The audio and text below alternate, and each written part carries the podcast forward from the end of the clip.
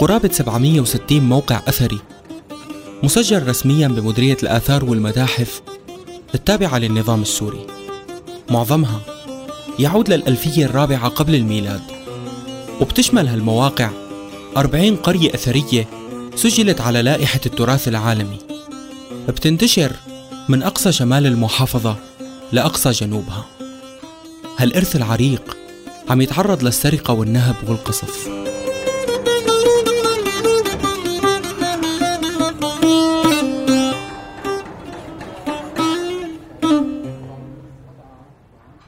فيكم ببودكاست بين الناس. أنا تيم سيوفي بهالحلقة رح نحكي عن قصف وسرقة الآثار من محافظة إدلب. قبل قرابة سنة ونص زرت قلعة سمعان الأثرية الواقعة بين ريف حلب ومحافظة إدلب. هالقلعة العريقة بيعود تاريخ بنائها لعام 490 ميلادي.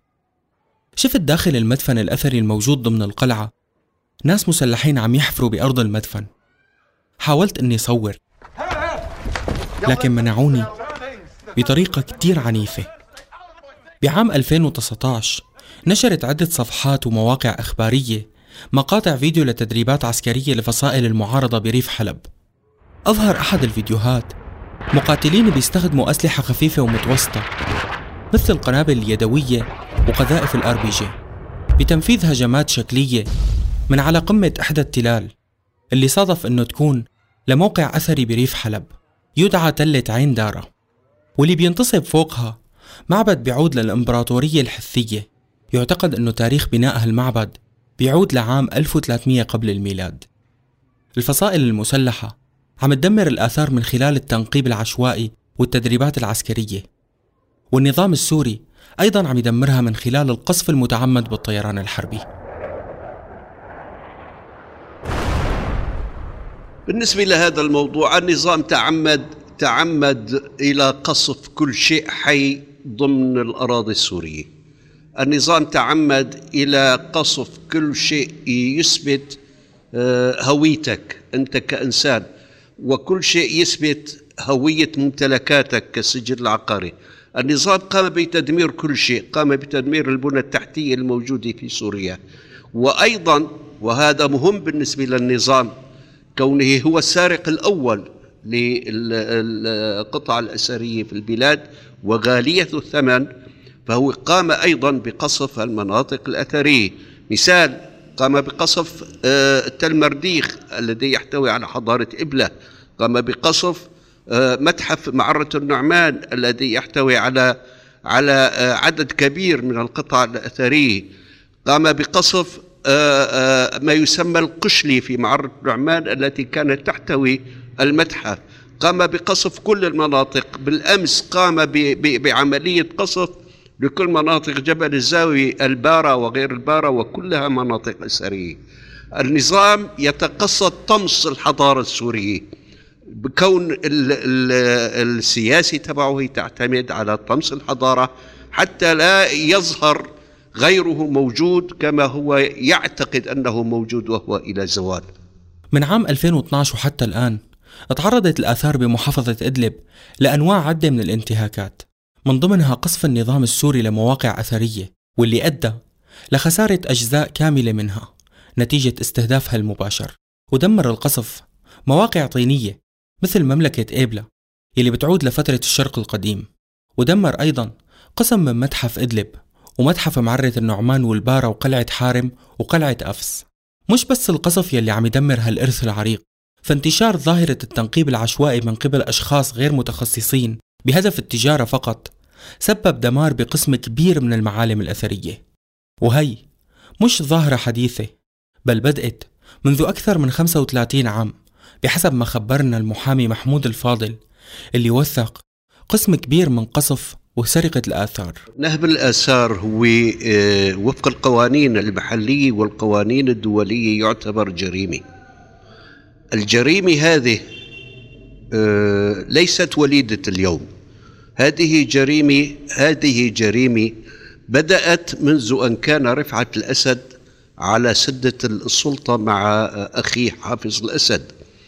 آه، من ذلك التاريخ بدأ النهب الممنهج لكافة الآثار والقطع الأثرية الموجودة في سوريا المكشوف منها والغير مكشوفه حتى تاريخ النهب آه، سرقة ونهبة ونهب الآثار استمر بيد آه، فاعل وهم آه، عفوا رفعت الأسد والضباط المتواجدين حول آنذاك. وكل العناصر التابعة لهم موضوع النهب ليس جديد لكن في هذه المرحلة وكما يقال في مرحلة الفوضى أضعاف النفوس استمروا بهذه الطريقة كونها عملية رابحة.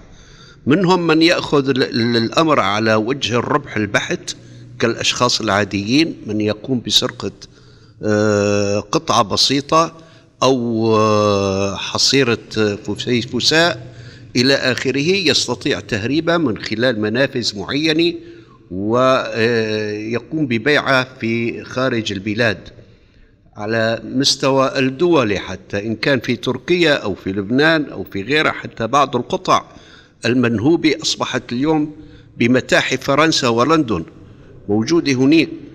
فالموضوع العملية ليست بالجديدة ولو كانت الآن أصبحت بكثرة أو بكثافة. لذلك فعملية النهب مستمرة لعدم وجود الحماية الآمنة للمناطق الأثرية. الخطر الأكبر عم يكون لما تستخدم الفصائل المتطرفة جرافات كبيرة لحفر المواقع الأثرية. بهدف البحث عن الكنوز فقط. هالعمل قامت في داعش سابقا بمناطق شرق الفرات وتدمر وبالوقت الحالي عم تقوم في جبهة النصرة ببعض المواقع بإدلب مثل ما حكى لنا أحمد الناشط الحقوقي اللي وثق كتير من انتهاكات الآثار بسوريا. بالبداية يعني آه، إنه كانت انتهاكات عادية إنه okay عم يدوروا على ذهب. هذا الموضوع أنت ما فيك تضبطه أصلا حتى إذا آه، الجهة الرسمية هي اللي حطت إيدها على المكان دائما في لقيات بسوريا يحطوا إيدهم على المكان. فيه ذهب بس الذهب ما أنت ما بتشوفه لا بمتحف ولا بتشوفه بشيء يعني. فإنه يعني okay أنا غاسل إيدي من الذهب ولكن الحجارة. اول فترة إنه عم ينقبوا بطريقة مخفية الناس. فإنه بينقب بطريقة مخفية لا يعمل ضرر الاثار ولكن لاحقا لما سيطرت الفصائل الإسلامية صرت آه، صار مثلا إنه التلول في في ببلاد الشام لازم عندك تطلع بالمنطقة إنه في تلال صناعية بيسموها. وهي التلال اللي بتكون مناطق زراعية بيكون الناس ساكنين على هي التلال مشان يستغلوا أكبر مكان زراعي ومشان إنه مشان فيضانات أمطار مشان يحموا حالهم من الحيوانات. فهي التلال دائما هو ممكن يكون فيها وارد إنه يكون فيها يعني آه، أثر أو شيء. فصاروا آه، آه، لما صار الموضوع بداعش آه، صار في مكتب للموضوع يعني فصار في مكتب مسؤول عن هاي القصة فصار يقدم معد معدات يعني. فيعني إجتني صور وقتا انه كان في الشباب فريق يشتغل ب بالطبقة بالمنصورة الرقة بالرقة أم ثديين الرصافة. ومع الخفسة يعني من جنوب منبج لمسكني المنطقة. ففي في تل فضة مثلا هو جنوب مسكنة كانوا بالبندوزرات عم يشيلوه. فيعني كان يبين بالصور إنه يعني هن عم يشيلوا التراب مع الحجر مع كل شيء. يعني هون صفت الشغلة انتهاك للاثار يعني يعني موضوع ما صفى إنه عم يبحث عن الذهب فهو بده يدمر كل شيء تيلاقي ذهب وممكن ما يلاقي ذهب. فهو ما بيعرف قيمة هذا الموضوع. فنحن نلاقي يعني المهتم بالآثار ممكن إذا لقى يعني حجرة أو خط نوع خط معين يبين معه شو كان بهاي المنطقة سكن أو شو كان في هاي المنطقة حضارة مبنية. تهريب القطع الأثرية لخارج إدلب عم يتم عبر الشريط الحدودي مع تركيا أو من خلال تهريبها لمناطق سيطرة النظام السوري عبر مهربين وعصابات متخصصين بتهريب القطع الأثرية. بعد وصولها القطع الأثرية لخارج إدلب عم يتم تهريبها لأوروبا وبيعها بمزادات. وقسم كبير من هالآثار صار موجود بمتاحف لندن وباريس وفيينا وحتى بمتاحف تل أبيب. هالمعلومات حصلنا عليها من سعد فنصة الباحث السوري في الآثار لمدة 30 عام. كتير من الناشطين والحقوقيين اتطوعوا حتى يحموا الآثار السورية بمناطقهم الخارجة عن سيطرة النظام السوري. لكن بحسب ما خبرنا أحمد أنه أغلب المحاولات كانت فاشلة. بسبب وجود سلطة السلاح. هلا صار في فرق يعني أنا كان عندنا نحن آه، كنا عاملين فريق من دون لا اسم ولا شيء يعني إحنا كنا نحاول نوثق ما فينا نحمي. نحاول نقول إنه الرمد أحسن من العمى ولكن حتى الرمد ما كنا عم نحصله. يعني إحنا حتى ما حسنا نحمي أي شيء. آه كنا نوثق مثلا إحنا أنا مثلا كنت وثقت اشتغلت على توثيق الحمامات السوق كلهم. اشتغلت على توثيق آه على توثيق مثلا الجامع الكبير وال والمأذنة وين آه والمنبر والصحن الجامع. العلم والوعي آه صوته أوطى من صوت رصاص. تيجي أنت تقتل الناس مشان حضارة والناس عم ينزل فوقها براميل عم ينزل فوقها جحيم. فإنه يعني حتى إنه يعني أنت عم تعطي ذريعة للمتطرف اللي اللي هو ما بتهمه. يعني هو بده يحاول يستغل أكبر كم من السرقات وال ويستغل الآثار إنه تعطيه ذريعة إنه يقو يعني يخلي يحرش الناس عليك. إنه طالع أنت عم تنقصفه وهو يسأل على الحجر. لحد الآن لا توجد إحصائية دقيقة تظهر كمية الآثار المنهوبة والمهربة لخارج سوريا بسبب صعوبة الوصول للآثار المباعة وتوثيقها. لكن النهب والتنقيب العشوائي مستمر من قبل النظام والفصائل المتطرفة وتجار الآثار دون أي رادع أخلاقي أو قانوني.